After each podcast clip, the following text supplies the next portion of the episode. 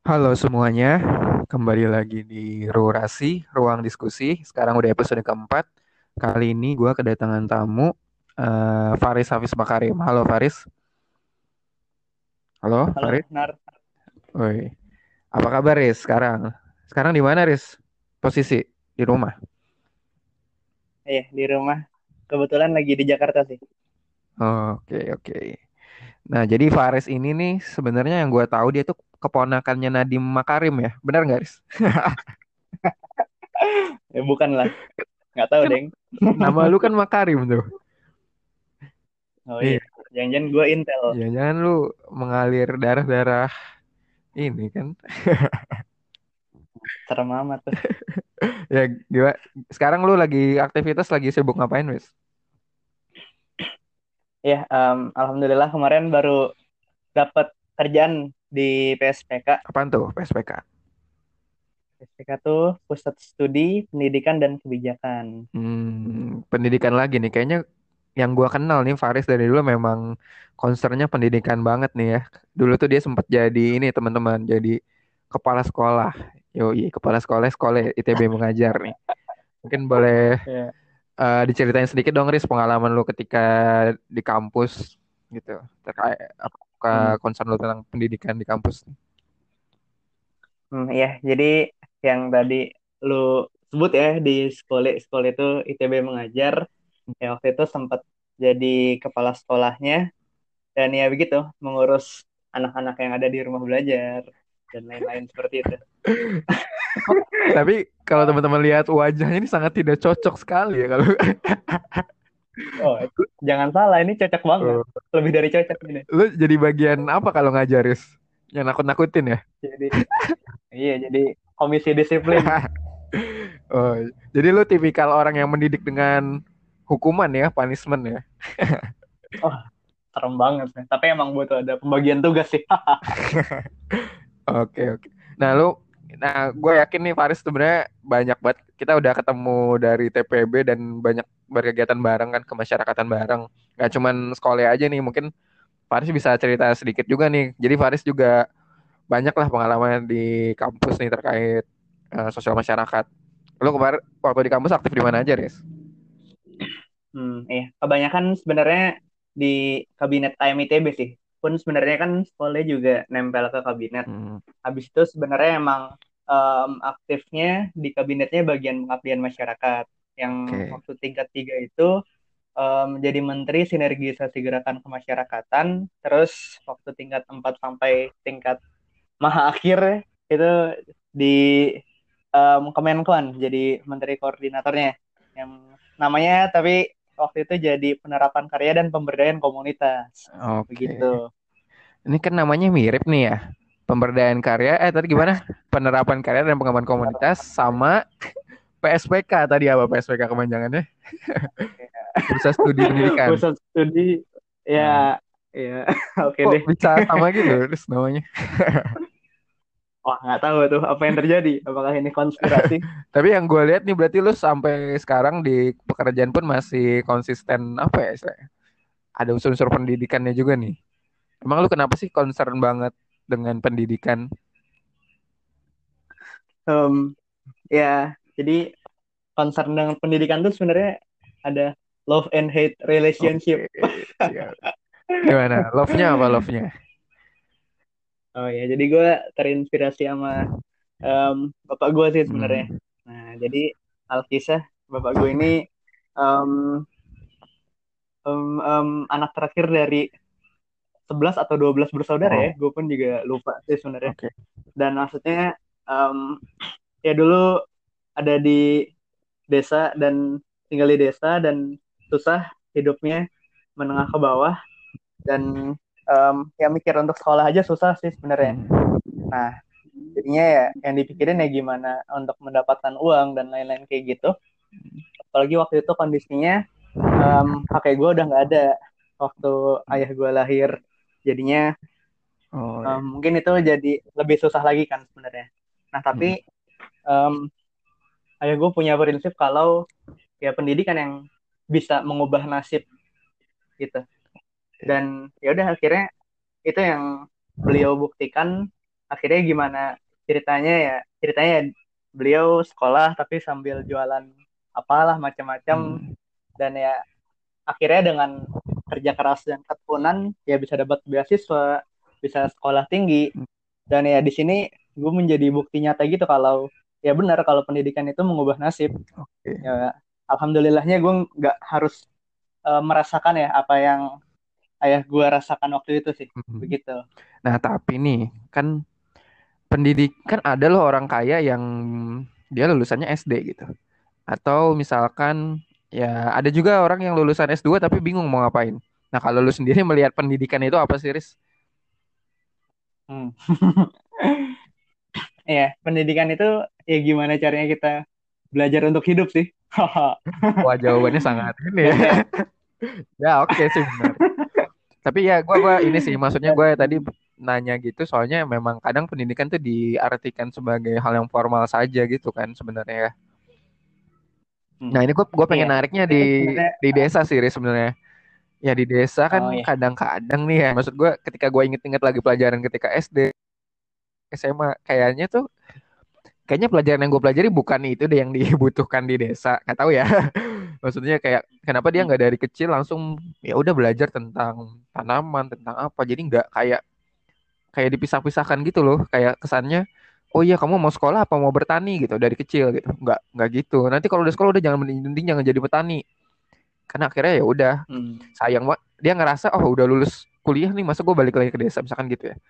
Nah itu menurut lu pandangan lu tentang itu gimana tentang pendidikan selalu dilihat dari ya apalagi di Indonesia ya bagus gitu distandarisasi seluruh Indonesia tapi gimana gue pengen tahu pendapat lu sih Hmm. Ini tuh kan sebenarnya tentang penyamarataan ya.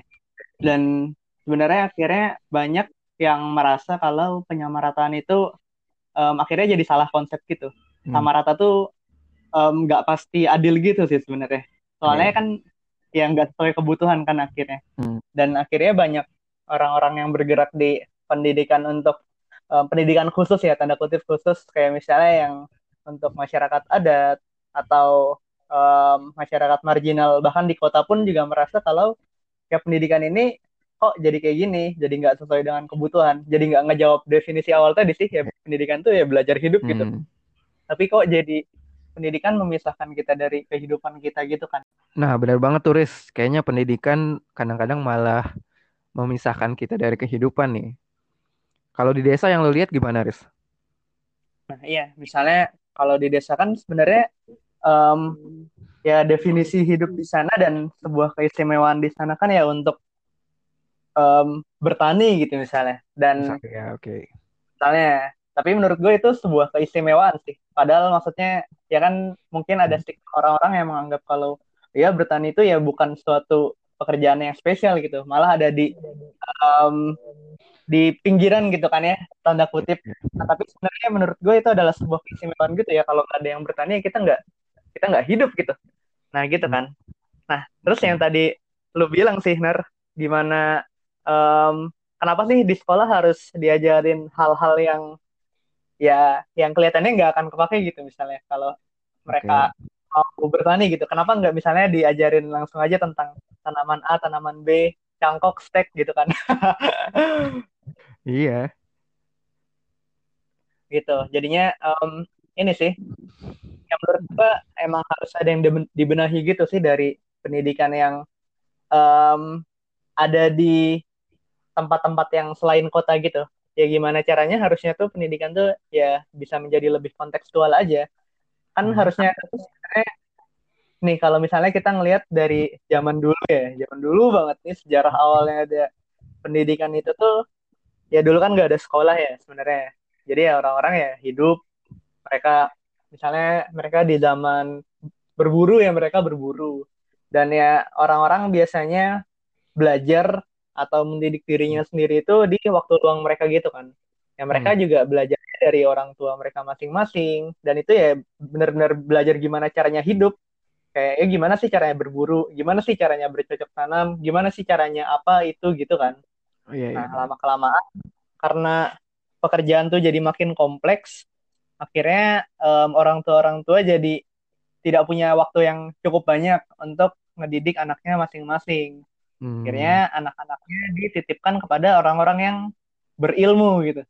Nah, Hmm. akhirnya muncullah nih perguruan, sistem perguruan dan akhirnya jadi lebih terorganisasi jadinya sekolah deh yang muncul. Oke. oke. Nah, tapi, tapi ya maksudnya jadi tekstual gitu. tapi berarti menurut lu pendidikan sekarang tuh sudah cukup kontekstual untuk di kota. Nah, kalau yang gue rasakan sendiri, kalau bagi gue ini kontekstual sih. Maksudnya Hmm. gue em, sekolah, terus gue emang belajar pola pikir, belajar cara hitung, belajar memakai Microsoft Excel yang itu tuh gue pakai sekarang. Ba- Baru kerasa ya. ya dulu Iya. kayak gampang banget. Ya, ya. Oh. Nah, terus apa dong berarti menurut lu? Harusnya kayak gimana, Riz, kalau misalkan di desa dan apa ya? Terkait pendidikan ini gitu. Nah, kalau menurut gue harusnya disesuaiin banget sih sama si tujuan lagi-lagi misalnya em, tujuan daerah sih sebenarnya. Daerahnya itu tuh sebenarnya pengen berkembang ke arah mana sih? Oh iya, misalnya mau fokus ke em, pariwisata misalnya. Hmm. Ya udah, langsung aja emang to the point diarahkan ke situ gitu. Ya, kalau tapi nggak harus semuanya 100% ke situ ya, tapi emang ada suatu alokasi khususnya di situ. Ini tuh kayak kayak mulok gitu loh, muatan lokal gitu Iya, ya. iya, iya. Nah, tapi kayaknya menurut gue untuk yang di desa ini muatan lokalnya harus digedein lagi sih dibandingin yang di kota ya. Iya, iya, iya. Jadi memang tidak sepenuhnya salah lah ya. Maksudnya sekolah ini tetap ada hal-hal dasar yang tetap kita harus pelajari. Cuman lu tadi yang gua tangkap berarti saran ada sebuah mulok atau pelajaran tambahan ya, yang kayak peminatannya gitu kan. Jadi kayak peminatannya dia pengennya apa? Pertanian atau misalkan perikanan atau atau misalkan pariwisata gitu. Jadi ada dua SKS apa ya kalau kalau masih SD itu jam pelajaran. Ada mata pelajaran yang kiranya eh, lebih menggali tentang sesuai dengan potensi daerah mereka masing-masing gitu ya. Iya, dan tiap daerah boleh, gue idealnya sih tiap daerah, bahkan tiap sekolah tuh boleh eh, memilih sendiri muatan lokal yang emang ditekanin Hmm. tuh apa gitu. Jadi kayak misalnya yang sekolah yang ruang. di daerah pesisir ya, ya tentang menjadi nelayan gitu kan ya, Nah, gitu. Hmm, Iya, iya, iya. Menarik sih, menarik. Sebenarnya kan gue juga belum pernah sekolah di luar negeri nih. Gue nggak tahu sih, tapi lu udah lu udah pernah dengar-dengar atau gimana? Kalau lu pernah dengar, emang pendidikan di Indonesia nih, Riz, dibanding di luar sana tuh, kalau yang gue tangkap kan dari isu-isu ya, di kita tuh kayak semua hal dipelajarin lebih susah malah di kita tuh. Kayaknya di sana tuh Hmm. lebih simpel, lebih apa ya? Lebih memberikan ruang bagi anak-anaknya buat mau belajar apa. Bener nggak sih kayak gitu? Oh itu gue kurang tahu ya. Karena gitu, Riz, nggak tahu sih. Gue gue gue merasa kayak Wah, ya gue merasa jenius sih sebenarnya jadi belajar banyak hal banget gitu kayak IPA, IPS, bla bla, semua kan setebel itu buku-bukunya dan lain-lain. Tapi Hmm. padahal yang ya apakah sebenarnya itu butuh juga ya untuk untuk apa ya yang memberikan kita ya, belajar berpikir, memberikan kita pengetahuan dasar. Tapi kayaknya terlalu banyak deh kayaknya. Setuju nggak apa apa Iya, lu iya. menurut lu udah cukup nih segini? Jadi tuh em, kalau yang gue denger-dengar sih yang tentang pendidikan di luar negeri itu ya gimana mereka bisa di luar negeri yang emang jadi contoh ya maksud gue Ya, itu ya. gimana caranya mereka bisa melihat benar-benar potensi anak masing-masing dan ya udah itu yang menjadi potensi yang menjadi bakat itu sesuatu yang emang dihargain dan dikembangkan gitu sebenarnya kalau Hmm. itu tuh di di Indonesia tuh ada yang bikin buku namanya nama bukunya multiple intelligence gitu. Nah, jadi tuh di situ suatu konsep yang ya udah tiap anak tuh ya punya bakatnya masing-masing dan harusnya ya sekolah itu ya mewadahi itu gitu. Maksudnya ya misalnya kalau emang gue memilih gue ada di em, jalur apa nih misalnya untuk kehidupan gue, misalnya ya gue ada di jalur komunitas em, atau misalnya ke pemerintahan dikit gitu kan ya. Nah, ya udah itu em, yang emang ya harusnya seideal-idealnya tuh dari kecil tuh udah bisa di track gitu sih. Oh ini tuh bakatnya ini, kayaknya di masa depan dia bisa jadi ini deh, gitu Iya, kan? iya. Benar-benar. Kayak baru bingungnya kalau yang sekarang mah lulus kuliah tuh baru bingung. Udah capek-capek belajar, lah baru nyadar ya habis kuliah. Iya, apalagi Berarti, banyak banyak orang yang em, belum tentu mereka bener kan milih jurusannya ya nggak sih? nah itu cuy. Iya itu banget tuh. Aneh gitu ya. Jadi kayak ya udahlah akhirnya dicobain-cobain aja gitu. Nggak apa ya, ikut arus, ikut teman-temannya atau ikut tren. Padahal kan Hmm. Semua ilmu tuh ya sama aja kan. Maksudnya nggak nggak ada yang lebih bagus atau gimana sebenarnya. Karena kita butuh semuanya. Misalkan event itu kayak sastra, seni, apa ya, manajemen kan semuanya punya tempat gitu sebenarnya dalam kehidupan kita gitu, punya peran yang nggak bisa dibandingin gitu. Kadang tuh orang ngebandingin dari apa coba dari gaji misalkan ya, pendapatan atau atau ini biar keren juga atau gimana lah. Nah itu sebenarnya yang menarik sih. Ini series gue pengen tahu kalau di PSPK lu ngapain series sebenarnya? Kalau gue sekarang lagi ngerjain beberapa project sih, tapi yang project-project kemarin itu em, lebih banyak berkaitan sama em, kebijakan sih. Jadi emang anggaplah em, Misalkan kebijakan UN gitu nggak? eh, Salah satunya bisa kayak gitu nggak? Enggak ya? Ya bisa bisa bisa. Tapi Bisa kan? Tapi gue enggak gitu. Ya ya ya. Gimana gimana? Yang yang lu kemarin kerjain apa? Em, jadi kan sekarang tuh undang-undang sistem pendidikan nasional tuh mau direvisi gitu sebenarnya. Hmm, Oke. Nah, karena udah udah lama banget kan itu tuh terakhir 2003 gitu si UU Sisdiknas ini. Hmm. Nah, ya gue bantu-bantu ngerevisi itu deh.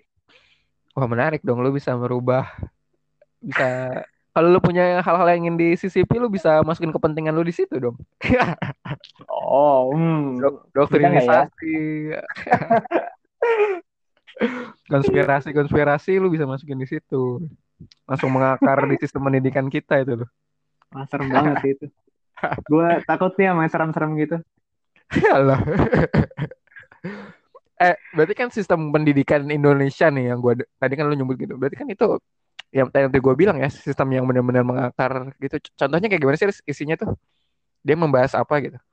Mm-mm. Contohnya tuh kayak misalnya em, ya pendidikan dasar tuh apa aja sih misalnya.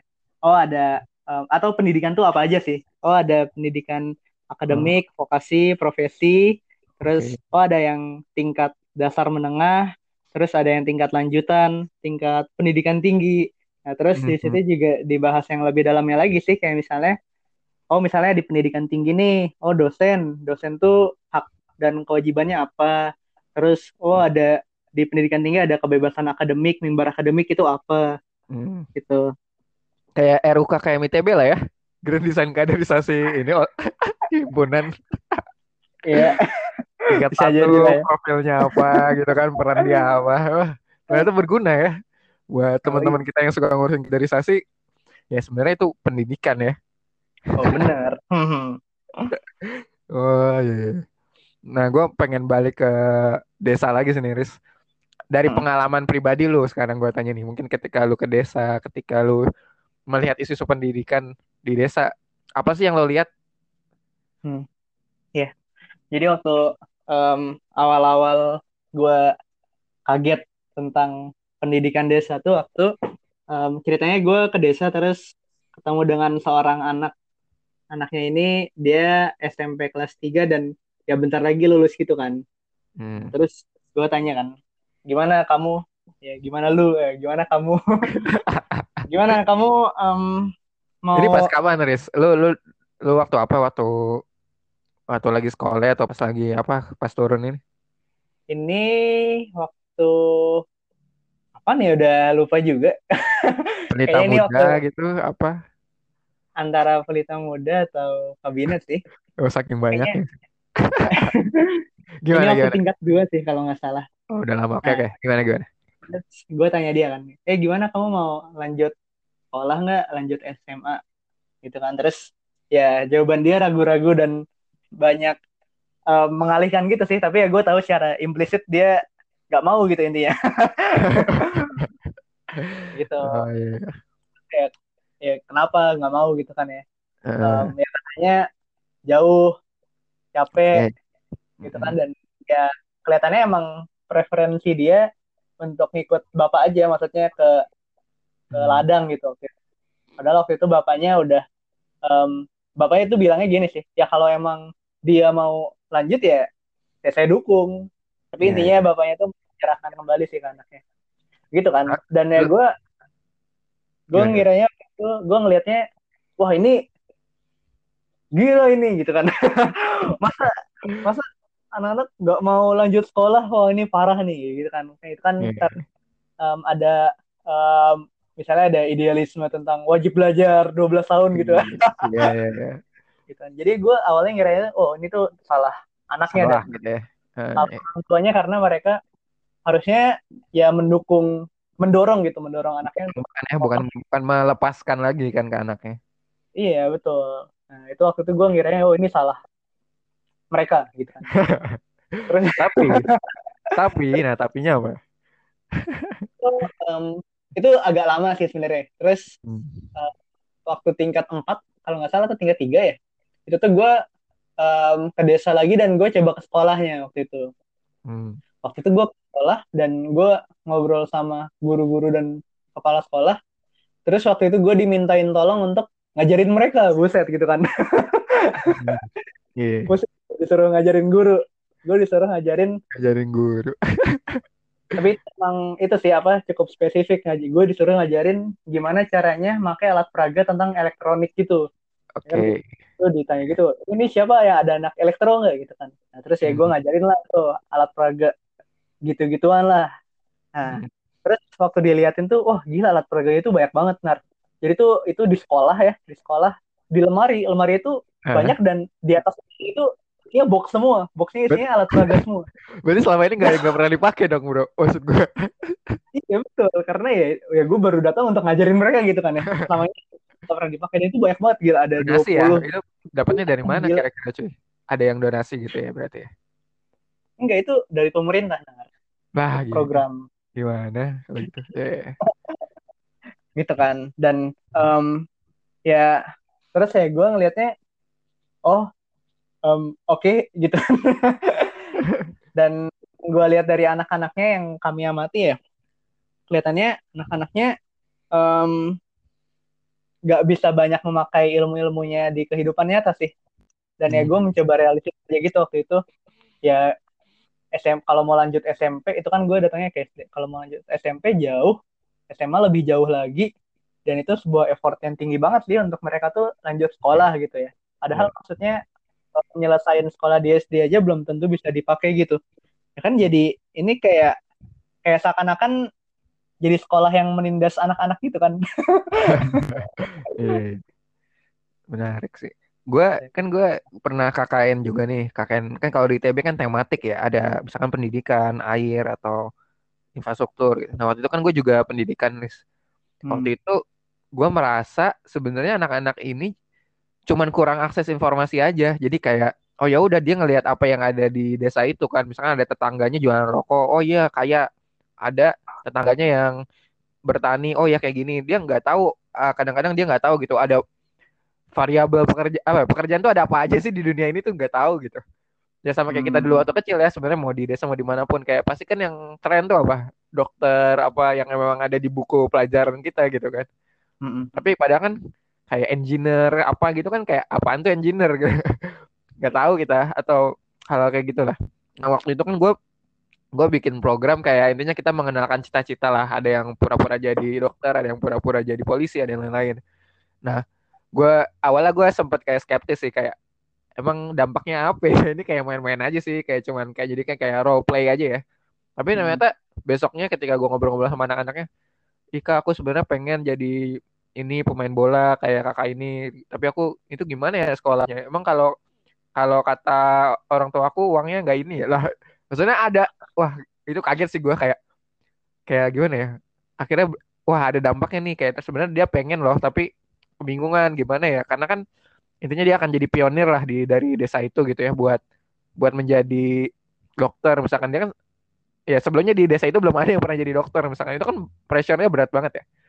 Hmm. dan kayak gitu-gitu sih sebenarnya yang gue temuin. Jadi kayak terkadang mereka hanya melihat apa yang dekat di mereka aja gitu.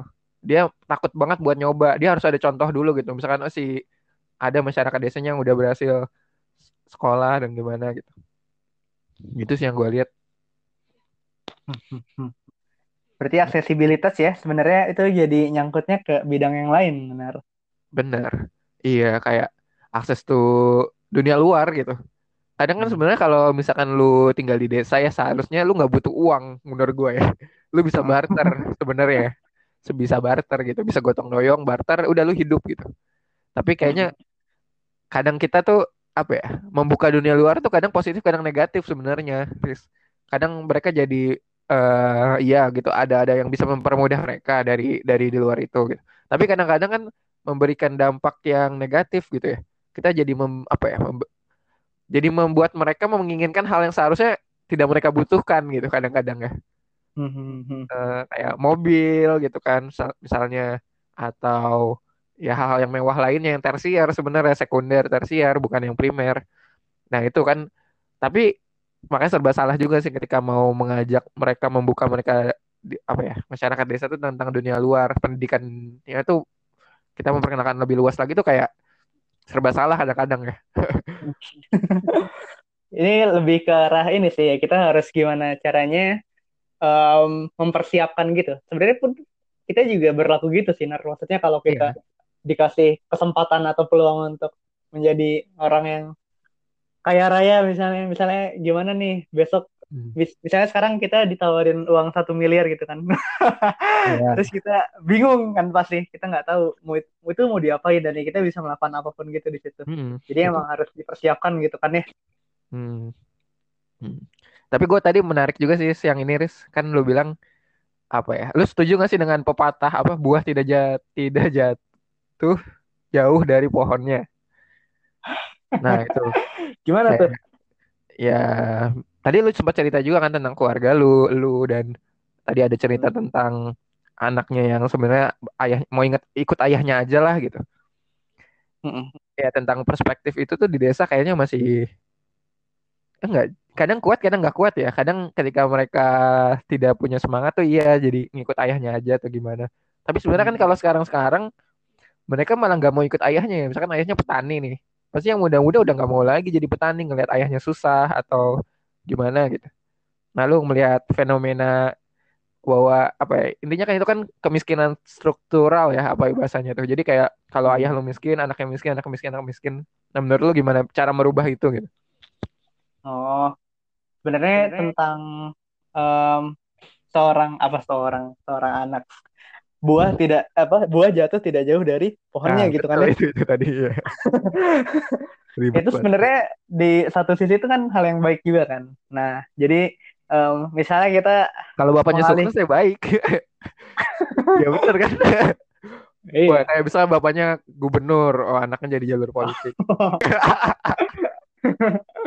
Iya benar sih. Betul juga sih. Tapi nah coba di situ kita harusnya em, em, baiknya tuh ini sih misalnya kalau ini jadi akan ngomongin pernikahan wak wak wak. oh, oh, oh.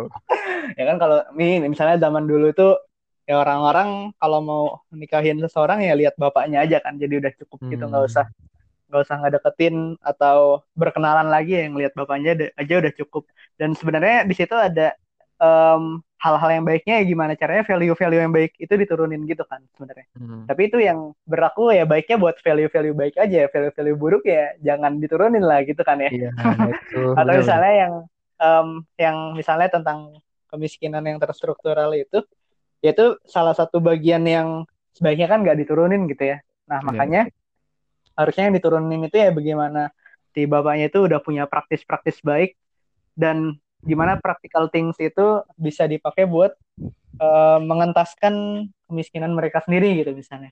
Jadi Hmm. harusnya yang diturunin itunya sih sebenarnya. Tapi ya mungkin apa ya apa yang terjadi ya kenapa selalu kenapa muncul sih yang kemiskinan terstruktural ini gitu ya? Apakah itu tidak terjadi gitu yang hal-hal baik yang diturunkan itu? Kadang tuh gini nggak sih Riz? Kita sendiri aja ya kadang kalau udah yang namanya apa ya kita kan punya orang tua kita tuh ngerasa pasti ada turunan karakter bakat apa ya kepintaran gitu. Emang secara gen kan. Jadi kita iya, iya. kadang tuh ngerasa apa ya nggak mau apa ya mencoba ya udah cuman istilahnya tidak ya udah ngerasa kita akan mirip dengan kakak kita ngerasa akan mirip dengan orang tua kita. Misalkan oh ya ayah gue jago musik pasti gue jago musik nih. Atau ayah gue misalkan kuliah di mana atau gimana. Itu kan jadinya apa yang ngerasa oh bakat gue kayaknya nggak mungkin nggak mungkin jauh-jauh dari keluarga gue ya nggak sih? Cuman bakat itu kan pasti misalkan emang sama tapi sebenarnya bisa dieksplor lebih lagi gitu. Hmm. sorry nih hmm. misalkan ayah lu misalkan pemulung gitu berarti kan bakatnya apa? Melihat peluang dari hal yang apa? Biasanya di melihat peluang dari hal yang biasanya orang buang gitu kan. Dia bisa itu bisa jual bisa apa. Ya misalnya ada orang yang bisa kaya karena sampah juga sama-sama pemulung cuman anaknya harus bisa eksplor lebih gitu misalkan gitu ya jadi nggak harus serta merta beda banget kadang-kadang juga kalau lu merasa memang bakat lu mirip tapi lu bukan berarti uh, daya mampu lu cuma sampai segitu doang gitu. Kadang-kadang gue ngeliat gitu sih. Ada kepengaruh apa ya bakat tuh pasti mirip keluar mirip sama keluarga gitu. Iya sebenarnya ada ngaruh ini juga sih. Ya kan lu um, udah ngeliat lu udah belajar gitu kan dari misalnya orang tua lu semenjak lu kecil semenjak lu nggak hmm. bisa ngapa-ngapain lu udah ngedengerin misalnya cerita orang tua lu tentang pekerjaan mereka tentang apa yang mereka lakuin. Dan itu kan menjadi suatu yang diturunkan tapi nggak lewat genetik kan sebenarnya. Tapi emang betul. lewat um, lingkungan itu mengondisikan dia gitu. Hmm, betul betul. Misalkan ya dia di, dicengin sama temennya di sekolah oh bapak lu ini bapak lu itu gitu. Itu kan hmm. jadi ada perspektif gimana ya? Jadi nggak mau dengerin ayahnya lagi misalkan. Oh iya. Yeah. ayahnya bilang kamu harus sekolah atau gimana. Jadi kayak wah itu sebenarnya emang sulit ya mendidik anak itu kayak maksudnya. Kan yang maksud gue kan paling benar tuh dicontohin. Misalkan lu -hmm. apa ya kalau nggak lu nggak akan didengerin kadang-kadang gitu ya. -hmm. kayak misalkan ya contoh kamu sholat padahal misalkan ayahnya nggak pernah sholat. Kamu apa belajar sampai kaya? Ya ayah. Kenapa dulu nggak mau belajar? Ya kan kondisinya beda. Ah misalkan jadi jadi dia mulai rasa kayak gitu loh kayak harus dicontohin sebenarnya. Kalau nggak ada ada effort dari orang tuanya sebenarnya buat memang serius uh, mendorong anaknya. Hmm. iya makanya untuk pemuda-pemuda kayak kita sekarang nih misalnya. Ya sebelum kita menikah ya kita harus mempersiapkan diri. Supaya emang apa ya ya anggap anggap kita tuh mengembangkan diri tuh ya. sebagaimana kita mengembangkan anak-anak kita gitu misalnya. Ya, ya. betul. Nah ini gue menarik nih. Gue mau nanya ya kan lu banyak banyak keluhan terkait pendidikan SD SMP dari kecil sampai gede nah gue pengen tanya nanti anak lu lu rencananya mau ngedidik kayak gimana ya bang? Apakah lu tidak setuju dengan pendidikan sistem pendidikan Indonesia? Aku ah, nggak mau anak gue didoktrinisasi dengan pendidikan Indonesia. Lu suka kalian keluar gitu. bisa jadi. Wah. Oh, bisa jadi. Tapi sebenarnya ini sih, um, kalau tentang ya, ya gue ngerencanain untuk bikin kurikulum anak sih sebenarnya, yaitu buat Anjay, untuk ada kurikulumnya nih berarti. iya itu udah banyak kok yang ngelakuin itu kok nar. Dan yeah. itu menurut gua hal yang tepat gitu kayak oh ya nanti terus nanti direncanain gitu ya tiap um, rentang umurnya tuh akan dididik apa sih sebenarnya. Nah itu butuh dipelajari lagi sih. Kayak oh ini umur ini baiknya gua um, ini atau apa gitu kan. Tapi kalau tentang sekolah ah, ya. Gimana ya kadang-kadang tuh lu udah gimana? Lu pernah mengajarkan itu ke anak lu. Cuman umurnya tuh waktu itu masih tiga tahun gitu kan. Dia nggak ngerti hmm. gitu. Nah ketika dia tujuh tahun, 8 tahun tuh apa ya? Jadi nggak nggak pernah diceritain lagi hal-hal yang dulu pernah diajarin. Padahal belum saatnya gitu. Kayak misalkan ya soal pengalaman orang tua kita dulu kuliah di mana apa itu gue gue jujur apa ya ceritanya tuh kayak ngacak gitu karena waktu hmm. itu mungkin sering banget diceritain tapi gue masih kecil gitu kayak uh, ya, uh, kayaknya pas gua gede gua gede gua gede kayaknya apa ya jadinya malah orang tua gue tuh kayak udah segan juga gue juga segan nanya gitu. Kayak kayak kayaknya udah pernah diceritain deh kok gue nanya lagi gitu kan. Nah itu jadi maksud gue ada ada benar harus di ada porsinya ketika lu yang kecil lu fokus ngajarin ini karena nggak bisa sekaligus dan itu terus berkembang berkembang berkembang gitu. Nah, terus ini sih nar tentang um, pemilihan sekolah ya. pemilihan sekolah tuh menurut gue penting banget sih. Um, Tapi kan sekarang sudah serius. Nah iya ini gimana ya kita melihat kondisi ini ya? Apakah lu akan kan... membeli rumah di depan di dekat sekolah yang bagus? ya mungkin gue lebih memilih untuk cari swasta yang bagus aja kali ya. ya, ya kalau punya uang mah semua orang juga maunya gitu, Riz. Itu tang kan tanggung jawab bapak punya uang. Yo, iya. Ya, iya tanggung jawab lu berarti. Ya, iya. Iya. yeah. Tapi gitu kan sekarang gini ya, Riz, misalkan ya. Ada nih anak yang dimasukin ke sekolah sekolah Islam lah ya. Anggaplah sekolah Islam, suatu sekolah Islam dimasukin. Itu kan kadang-kadang ada yang berhasil banget, ada yang malah jadi nggak berhasil gitu. Jadi karena gini, Iya. kadang-kadang tuh ketika mereka lulus, mereka melampiaskan hal-halnya itu tuh setelah lulus gitu. Mhm. Lu, suka ngeliat temen lu yang kayak gitu nggak sih? Misalkan, ya sekolahnya eh, sama-sama sekolahnya Islam misalkan atau atau apa ya bagus lah gitu swasta. Tapi pas lulus dia malah karena terus merasa ditekan akhirnya wah malah melun apa keluar banget ketika pas sudah lulus. Atau memang dia ada yang berhasil banget lulus ya udah terinternalisasi gitu nilai-nilainya. Nah itu gue sebenarnya jadi maksud gue nggak ada jaminan gitu kesimpulan dari gue tuh mau lu sekolah di sekolah yang bagus, mau yang jelek, jelek malah ada yang jadi bagus gitu karena dia ngerasa oh ini lingkungan yang dia bisa milah-milah jadinya ini malah sangat belajar, malah Hmm. terbiasa gitu menghadapi perbedaan, meng- menghadapi hal yang buruk. Jadi dia bisa survive di lingkungan selanjutnya. Kadang orang yang di lingkungan baik ini di lingkungan selanjutnya kaget kan, loh kok Hmm. kayak gini malah nyoba-nyoba atau gimana? Itu kan gue Hmm. jadi bingung ya komposisi yang tepat dan uh, apa ya istilahnya menurut lo gimana tuh jadi kayak nggak ada jaminan mau sekolah yang di mana atau di yang bagus yang jelek Mm-mm. Ya, dan maksudnya kalau di sekolah yang bagus pun nggak ada jaminan ya. Eh atau bahkan yang di sekolah kalau di sekolah yang di yang jelek tuh nggak ada jaminan juga dia akan menjadi orang yang tidak berprestasi gitu kan ya. betul betul Nah, ini- justru gue malah ngeliat dia akan lebih survive kalau dia bisa bisa jadi the one apa ya orang Nah. uh, di antara sekian banyak itu dia bisa jadi yang apa namanya menonjol gitu kan ya dia bakal jadi oke banget gitu justru Iya, itu kan sebenarnya tergantung mentalitas ya. Jadi ya. Ya. gimana tentang ya si anak itu tuh kalau dia di kondisi apa pun dia akan tetap outstanding Betul. gitu misalnya. Dan itu akhirnya menurut gue itu harusnya ditanamin di sebelum sekolah gitu. Uh, Sepakat. jadi ya mentalitasnya em, ya gimana caranya itu jadi PR orang tua gitu waktu umur Sepakat. 0 sampai 7 tahun gitu misalnya sebelum sekolah kan. Iya, iya. Sepakat, sepakat. Karena benar banget, terus kayak eh yang gue lihat orang-orang yang tadi masuk sekolah Islam dan berhasil gitu, karena emang orang tuanya juga begitu gitu. Jadi Hmm. ada ada tidak berlawanan ya, bukan kayak dia instan. Oh ya nih dia orang tuanya misalkan gimana gitu ya. Terus dimasukin ke anaknya, "Lu- tapi lu harus soleh gitu.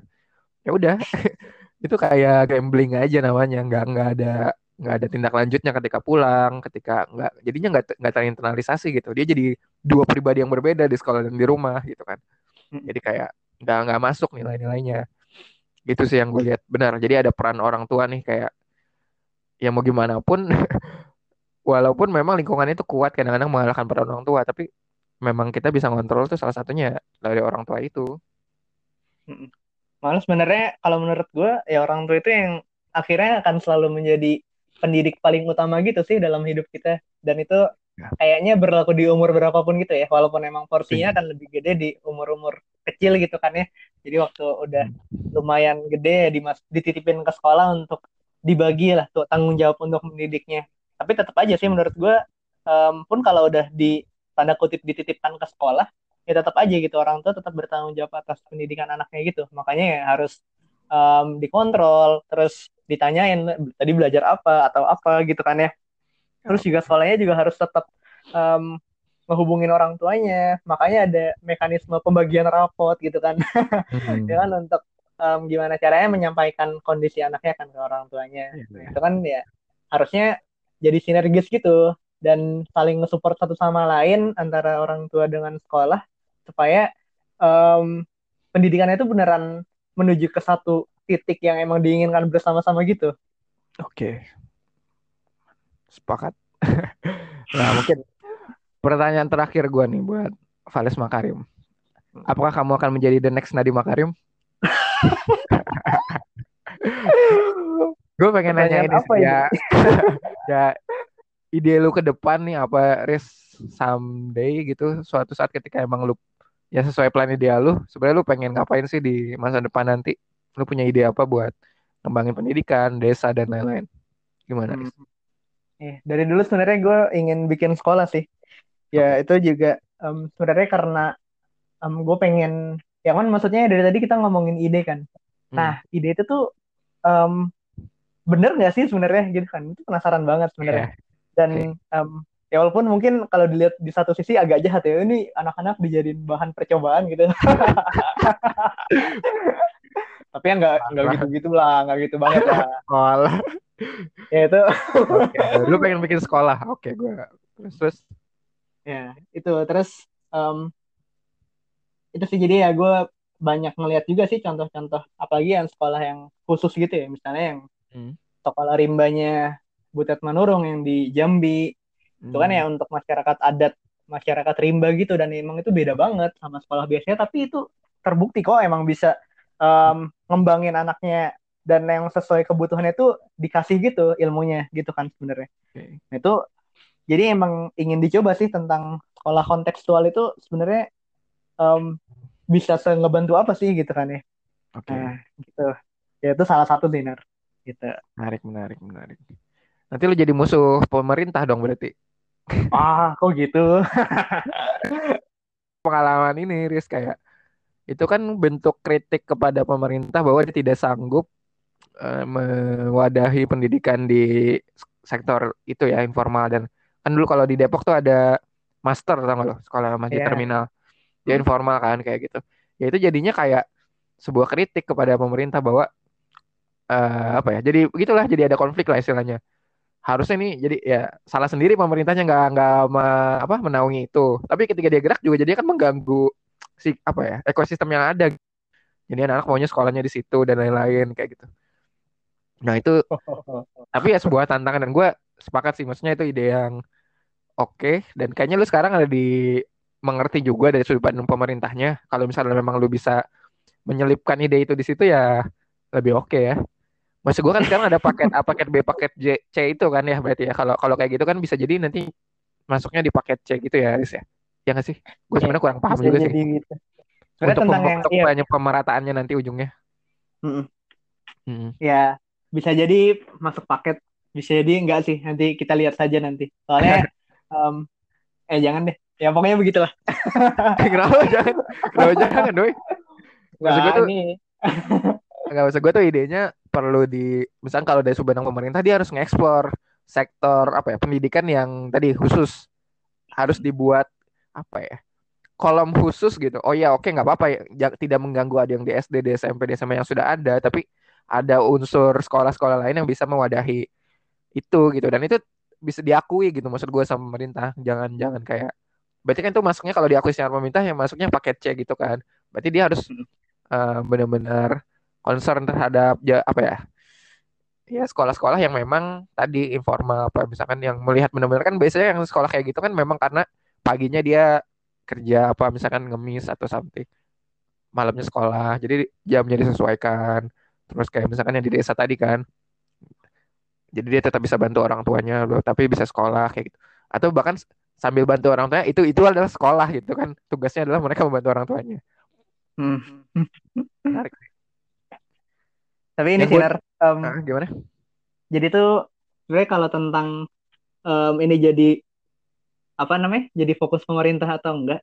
Nah Hmm. jadi yang gue amati ternyata ya pemerintah itu sangat dipengaruhi ternyata tentang suara-suara yang em, menekan dari luar sih sebenarnya kayak misalnya Oke. media atau misalnya orang yang ada di belakang yang emang ngasih saran ke kita orang-orang yang bersuara itu tuh em, ya karena mereka bersuara dan jadinya berisik jadinya itu mempengaruhi banget gitu sebenarnya dan ya pertanyaannya kenapa sih selama ini mungkin ya pendidikan desa kapan sih diomongin gitu kan ya Oke. Ya.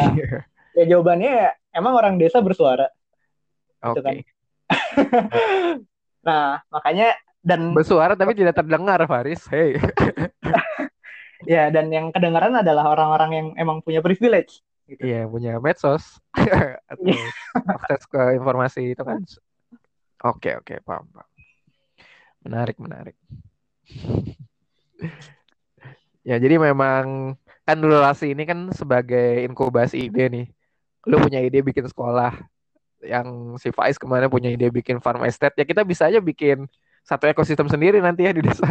kita bikin apa? Hmm. kita ada desa binaan yang isinya sekolah pendidikan yang kita concernkan tadi ekonominya kita efektifkan pertaniannya. Kayaknya menarik banget nih buat kita eksekusi nih Riz.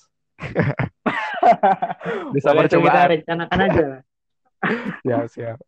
Oke lah gitu aja Riz. Makasih banyak nih waktunya lu ada pesan-pesan terakhir nggak buat kita semua